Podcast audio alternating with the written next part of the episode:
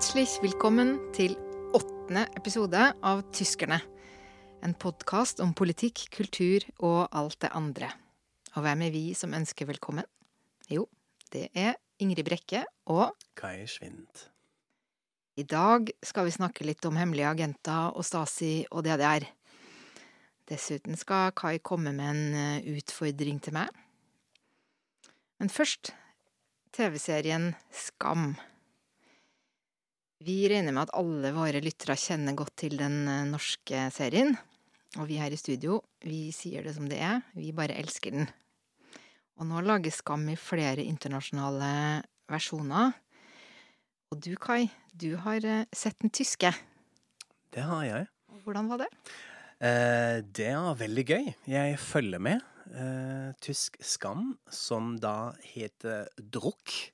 Det kommer vi litt tilbake til. Den har fått en annen tittel. Den Ja. heter altså ikke Sjande eller noe sånt. Og det er jo litt interessant eh, i seg selv at det, de har gitt en, en annen tittel.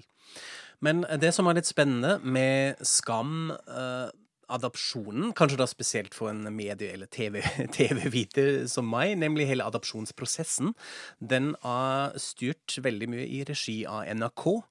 Eh, Skam blir jo nå adaptert til eh, ulike land. Jeg er litt usikker hvor mange, jeg tror det er åtte ish.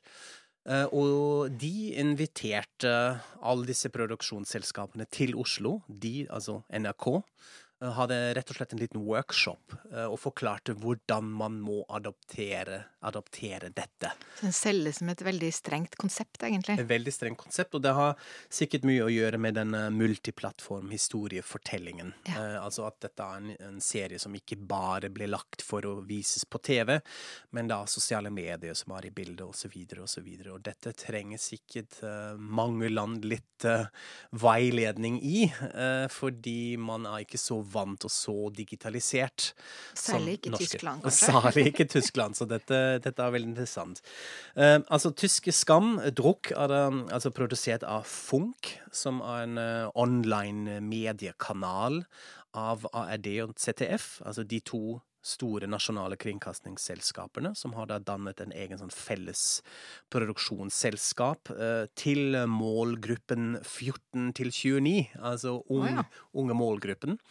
Eh, og det som er interessant òg, at eh, Skam på tysk ble altså ikke vist på TV. eh, I hvert fall ikke på ZTF, eh, men på en egen webside og i sosiale medier og så videre.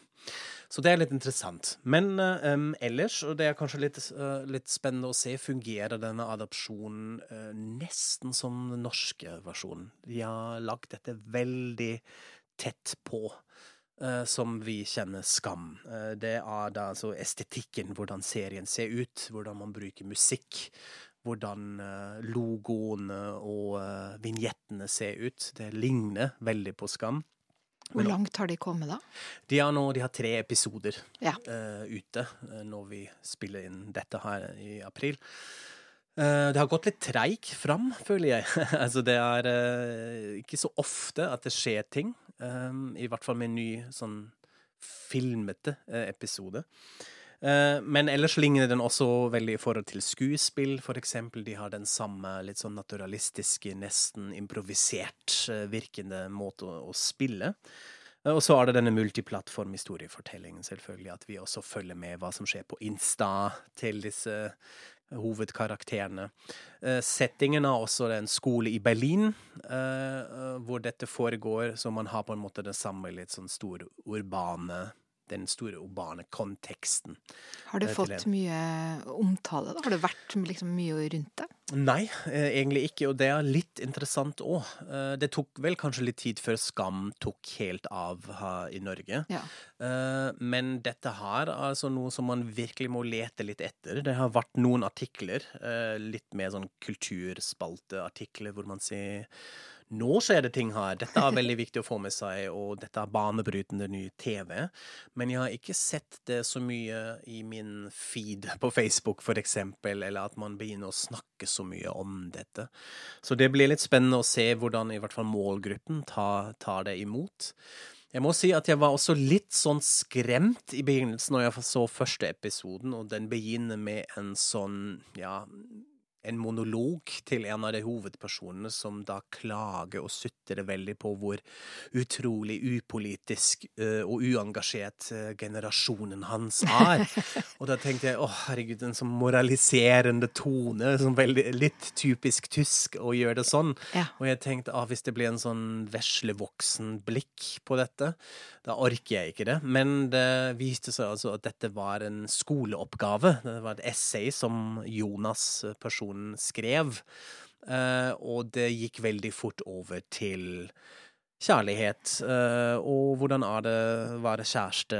Det handler mest om Hanna, som er hovedfiguren, som er altså sammen med Jonas, og de skal på hyttetur, og så kommer to teite venner til Jonas og henger med og forstyrrer dem, og Hanna har ikke så mange venner, og hun må prøve å finne venner, og det er masse henging på smartphones og like ting på Insta og sånn, og da var jeg litt lettet, også fordi jeg sånn tematisk sett uh, ble litt uengasjert og uinteressert. Så jeg tenkte fint, jeg er jo ikke målgruppen her. Ehm, men det er rettet mot folk som er 16, 17, 18, og da får vi se hvordan dette fungerer. Og så er det det med tittelen, at den heter Druk. tyrk, ja. Eh, som jeg syns er veldig vellykket tittel. Eh, jeg skjønner jo litt hvorfor man har valgt skam, kanskje. At man er redd for å feile. Kanskje en eh, tolkning, men jeg syns å bruke trykk, som denne ungdomstiden og sånn postpuberteten har veldig mye preget av, på alle mulige måter, kroppslig, eh, intellektuell, samfunn, trykk fra overalt, eh, syns jeg er veldig vellykket, ja. Eh, egentlig, å kalle det det.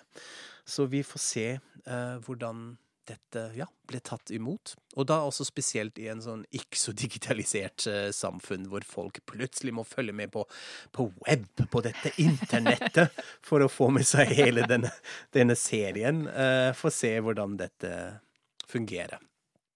Men du har også sett litt på tysk TV, skjønte jeg? Ja, for mens uh, Norge har gitt Tyskland denne gaven Skam, eller da Duk er, så snubla jeg over en ny, splitter ny tysk bitte liten TV-serie på NRK. Den heter da Familien Brun. Familie Braun. Mm -hmm. Og den fikk faktisk en Emmy i fjor i en sånn kortformatsjanger. Den er veldig kort. Det er åtte episoder på fem minutter hver. Eh, og her møter vi altså da to eh, nazister, to unge menn. Eh, og de er veldig, veldig nazister. De har Hitler på veggen, og selv vannkokeren har hakekors, og de bor sammen i en, i en nazifisert leilighet. Og en dag så ringer det på døra, og den ene får da brått en datter å ta seg av, og er sånn, vet ikke jeg, sju kanskje. Og det som er litt krøkkete, da, det er at denne dattera er brun i huden. Og hun kommer til dem fordi at mora er utvist til eh, sitt opprinnelsesland Eritrea. Og da må Ops. altså denne eh, dattera bli eh, tatt hånd om, da. Og dette utgangspunktet klarer de å lage veldig mange morsomme eh, scener eh, ut av.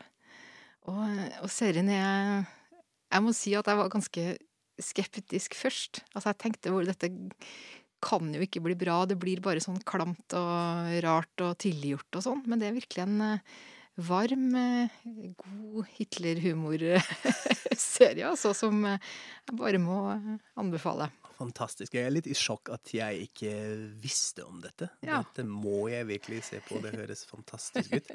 Familie Braun. Familie Braun. Ja, det skal vi sjekke.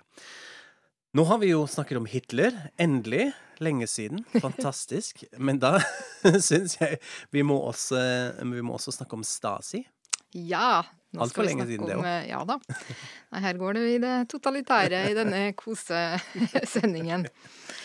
Ja. Eh, jeg ville snakke litt om Stasi, og anledningen eh, for det er at eh, det er en eh, ny artikkel som har kommet eh, på norsk i tidsskriftet med det veldig konkrete navnet Arbeiderhistorie. Det er en artikkel som er skrevet av eh, et internasjonalt forskersamarbeid, blant andre da norske Astrid Karlsen. Artikkelen den heter Østersjøukene politisk turisme i strandkanten og etterretningstjenestens søkelys. Og artikkelen handler da om eh, DDR sin kopi av Kieler Woche, som er egentlig en ganske sånn uh, berømt uh, og tradisjonsrik uh, seilerfestival. Mm. Som er en stor begivenhet hvert år. I Kiel. Og fra 1958 så begynte da DDR å arrangere disse, denne Østersjøuka, da. Og da kom, kom Skandinava dit på besøk. Og det årlige besøket fra norsk side, det skal ha variert fra sånn noen titalls til noen hundre på det meste.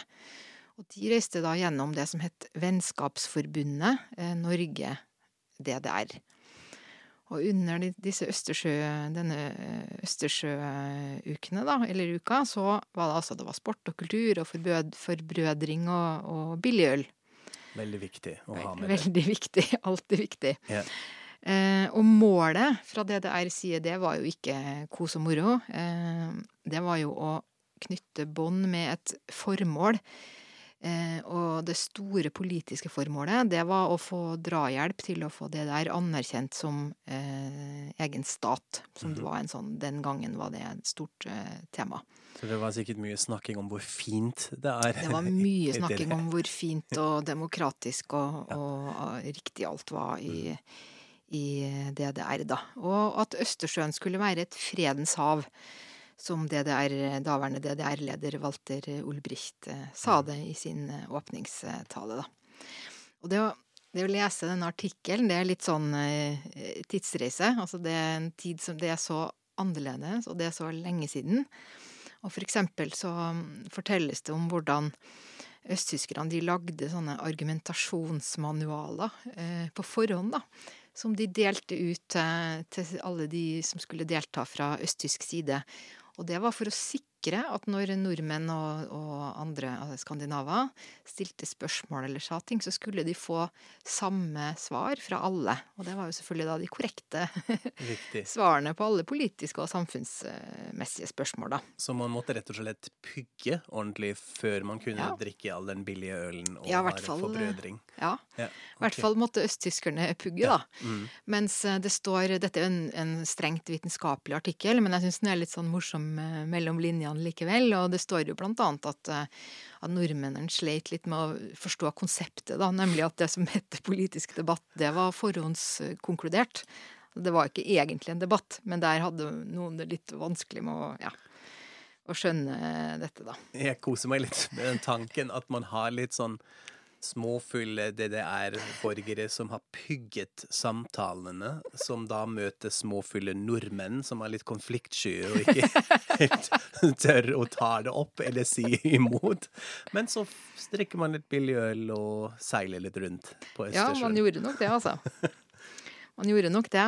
Eh, men det som gjør at jeg syns at dette er spennende, da, det er jo et mer sånn alvorlig aspekt. Nemlig at um, denne, disse, dette arrangementet var jo også et eh, rekrutteringsgrunnlag for Stasi, altså sikkerhetspolitiet i DDR. De ønska seg skandinaviske informanter og agenter. Og dette var da liksom et sted hvor de vennligsinna utlendingene kunne komme og da eh, bli granska om de var mulig å rekruttere, da. Og dette er jo noe man i hvilken grad dette lyktes, det vet man eh, egentlig ganske lite om. Og eh, en grunn til at jeg er opptatt av dette, da, det er at jeg for noen år siden så jobba ganske mye med dette temaet i, i Aftenposten. Altså hvor mange norske Stasi-informanter fantes det? Eh, hva fortalte de om? For dette er jo også en bit, en, kanskje liten bit, men det er en bit av den store historien om forholdet mellom Norge og Tyskland, da. Men det viser seg at det har vært forferdelig vanskelig å få svar på dette, og det eh, skyldes blant annet at eh, i kaoset etter murens fall Altså, så det arkivet som ble mest ødelagt, det Stasi-arkivet som ble mest ødelagt, var listene over utenlandske agenter. Og på merkverdig vis så havna nøkkelen til å finne, finne, de fram igjen i det store statsarkivet som nå er i Berlin, det havna hos CIA. Eh, sånn at eh, for å få greie på dette, så må vi liksom få det fra CIA. Og i en norsk politiker, Anders Werp fra Høyre, han jobba systematisk med dette i lang tid, og han klarte til slutt å få eh, justisministeren til å spørre CIA om vi kunne få det, altså at regjeringa ba om å få utlevert disse dokumentene. Og det var vel to år siden, tror jeg. Og vi fikk nei. Så her kommer vi liksom ikke noe nærmere, da. Og, eh, Hva tror du er grunnen til det? Hvorfor ville ikke CIA utlevere den? Altså, jeg tror egentlig ikke det er så Man kan jo bli frista til å bli konspirativ, men jeg tror egentlig ikke det er noe grunn til det. Jeg tror det er en, rett og slett en sånn kapasitetsspørsmål. At CIA ville ikke gi fra seg materiale de ikke har gått grundig gjennom. Og hvorfor skulle de gjøre det? Dette har eh, historisk interesse er relativt marginalt, eh, foregår i en epoke, den kalde krigen, som regnes som veldig forbi. Og og det, det er samme grunn som at det har også vært veldig vanskelig i Norge å få eh, PST, altså den norske sikkerhetstjenesten, til å til å, å bidra med ting som de vet om dette feltet, da. Men det er jo det Astrid Karlsen og, og hennes medforfattere har klart nå. Men likevel så ble artikkelen utsatt et helt år fordi PST liksom ikke fikk gjennomgått ordentlig sånn som de skulle og sånn. Og det er en sånn nedprioritering, at dette feltet ikke regnes som så viktig. Jeg har selv også søkt om innsyn og fått det egentlig litt sånn til svar, da. At dette har de ikke tid til å, å, å holde på med. Og på i ett perspektiv, jeg skjønner jo det, men i et annet perspektiv så er det jo fryktelig irriterende. Eh, Ja, også nettopp når vi tenker på det vi snakka om i siste episoden, om 1968-bevegelse i Tyskland, hvor viktig det var å ta et oppgjør med fortiden. Eh, og da også kanskje med litt mer sånn samfunnsvitenskapelig perspektiv, at man går inn i arkivene og ser på hvem var involvert på hvilken måte. Eh, så er dette jo også nødvendig å gjøre etter hvert. Så denne nedprioriteringen er kanskje ikke så heldig. Nei, og selv om dette selvfølgelig er utrolig mye mindre enn den 68-bevegelsestematikken, så er jeg helt enig, det er, det er noe av det samme. Og det er også noe med den følelsen av at dette er vår historie, og det bør være kjent og, og eh, tilgjengelig, da. Eh, Så det Og så kan det man jo tenke seg at det kunne være litt nyttig for Norge også, å vite hvordan fremmede makter jobber for for å rekruttere nordmenn til å, til å gå imot sin, sin egen eh, stat, da. Absolutt. Utrolig spennende, syns jeg, og jeg håper at noen lager en film eller en TV-serie Ja. ut av det en dag. Den, den ser jeg foran meg. Dette må lages. Veldig spennende. Så det er ikke bare sånn nerdete eh, liten research-sak da. Jeg syns det, det er veldig, veldig, veldig gøy. Skal vi komme til eh, en av våre favorittspalter som vi har, nemlig ord. Og denne gangen har jeg med noe. Ja. Eh, Og ikke bare ett ord, men jeg har med meg tre. Mhm. En hel setning, en liten setning, um, som jeg har eh, ja, undret meg over i en del år, fordi jeg forstår egentlig aldri ordentlig hvordan man bruker den, eller hva den betyr. Og dette er setningen 'den er god'. Ok. Eh, jeg hadde et sånt eksempel her med en kollega på jobb som skulle gi en eh, konvolutt til meg med noe, og så var det litt misforståelse eh, når den skulle være et sted. Så fant jeg den litt sent, og så sa jeg 'nå har jeg funnet den', og så videre. Og som det, det var egentlig hans skyld at den ikke havnet der hvor den skulle. Så fikk vi det til til slutt, og så svarte han da 'ja ja, den er god'.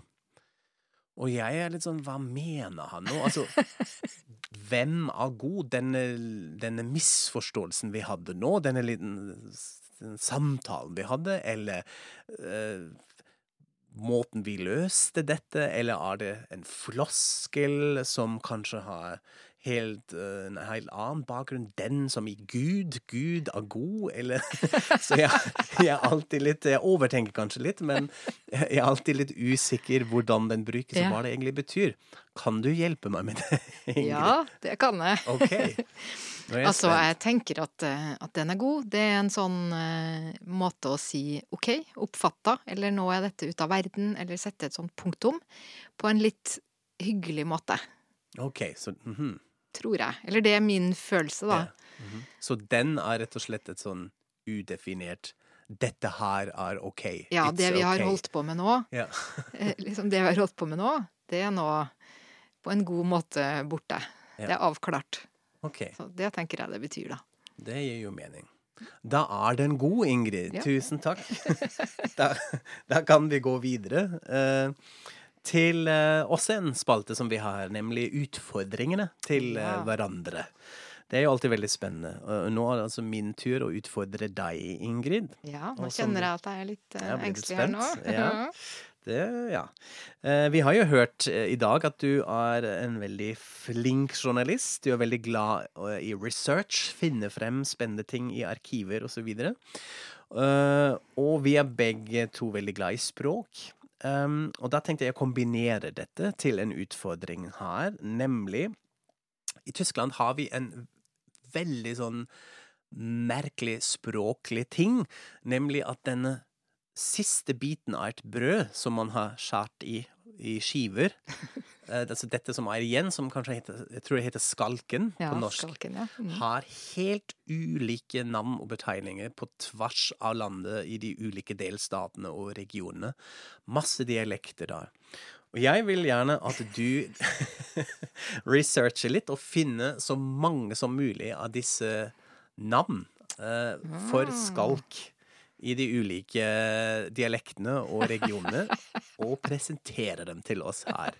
Og da skal jeg også kose meg med hvordan du uttaler de etter hvert. Så det er oppdraget. Ja, nei, takk for det. Mhm. jeg, skal, jeg skal lage liste. Så fint. Det skal vi se hva du kom frem eh, til neste gang. Ja, og med det kan vi kanskje runde av. Det kan vi. Vi kan jo minne om eh, vår Facebook-side, Ja. Tyskerne. Eh, der skjer det ting. Mhm. Der så legger det vi er bare å følge med. artikler og klips og ting vi snakker om, så det er fint hvis dere tar en tur dit, eller kommenterer selvfølgelig også. Og så like oss gjerne. Hvis dere hører på iTunes, eh, eller hvor det vel være, eh, bare anmelde oss. Gi oss gjerne stjerne. Så sier vi takk eh, til Lars Peter Saugen, som er vår lydtekniker her på Vesterdals høgskole. Vi sier takk til dere som hørte på oss, eh, og vi sier auf Wiederhøren.